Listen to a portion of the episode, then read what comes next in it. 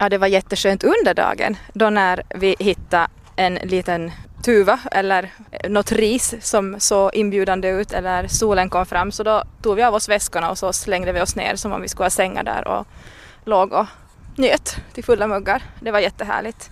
Vad har du för upplevelse Marika som speciellt fastnar fast i ditt minne? Mm, bland många fina så var nog kanske den här eh, bastun och simturen i Tärnasjön där vi hade gått långt den dagen och äntligen liksom kom fram och, och fick bada bastu och, och, och simma i riktigt kallt vatten. Alltså det var så skönt och där hade vi nog trevligt. Det var nog en av de finaste.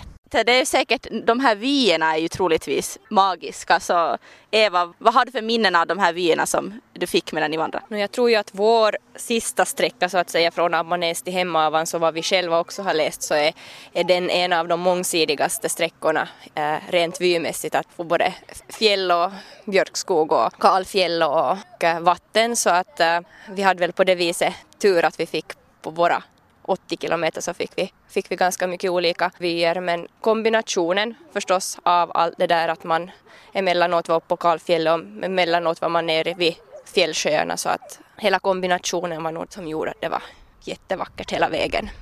Och vad tycker ni andra? Kika? Ja, äh, alltså jag tänker att, att Kungsleden är ju otroligt vacker och den är ju, går ju som så just som Eva sa, mångsidigt.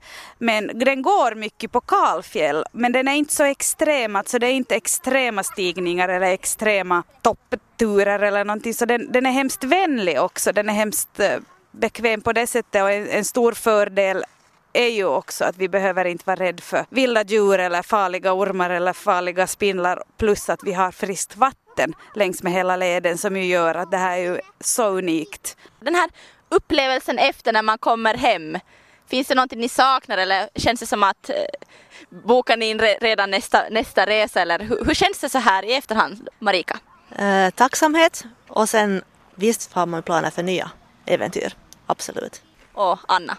Ja, jag är också taggad för nya, nya äventyr och har redan några rutter som jag har tänkt ut och kika ut på kartan var jag ska röra mig nästa gång. Och jag är också jättetacksam att jag fick frågan att hänga med på det här med Kika och som känner fjällen där jätte, jätteväl att det kändes tryggt att vara en första gång på en sån här lång sträcka med henne. Ja, du då Eva? Skulle du vilja vandra hela leden någon gång? Uh, det fanns inte på min bucketlist men, men uh, och inte vet jag om det finns i så här inom den närmaste, de närmaste åren heller inte men men eh, jag blev nog också väldigt inspirerad av att göra fler längre vandringar och, och, upptäcka nytt. Det gav nog väldigt mycket, dels rent upplevelsemässigt men, men också just den här gemenskapen och, och, och det här bara att vara nedkopplat några dagar så att man var som levde så i stunden några dagar så det var en viktig erfarenhet. Och Kika? Ja, jag säger som Marika känner kanske mest en sån där enorm tacksamhet både och stolthet över att jag lyckades förverkliga den här drömmen som jag har haft och jag har ju som levt med den här vandringen nu snart i ett år och nu får jag bara försöka smälta den med. Men tacksamhet åt att allting gick så jättebra. Jag hade ju inte något större utmaningar överhuvudtaget så här som jag ju nog kanske var beredd på både med väder och med utrustning och med kanske hälsan att man skulle bli sjuk av något slag. Och, sen är jag jättetacksam mot alla som, som ville komma med och vandra med mig och dela den här, den här upplevelsen. För det kom jag nog fram till medan jag då vandrade både själv och med sällskap. Att det är nog jätteroligt att kunna dela den där upplevelsen med någon. Att skulle jag ha gått hela vägen själv så skulle det nog ha saknats just det, det här att kunna dela goda minnen.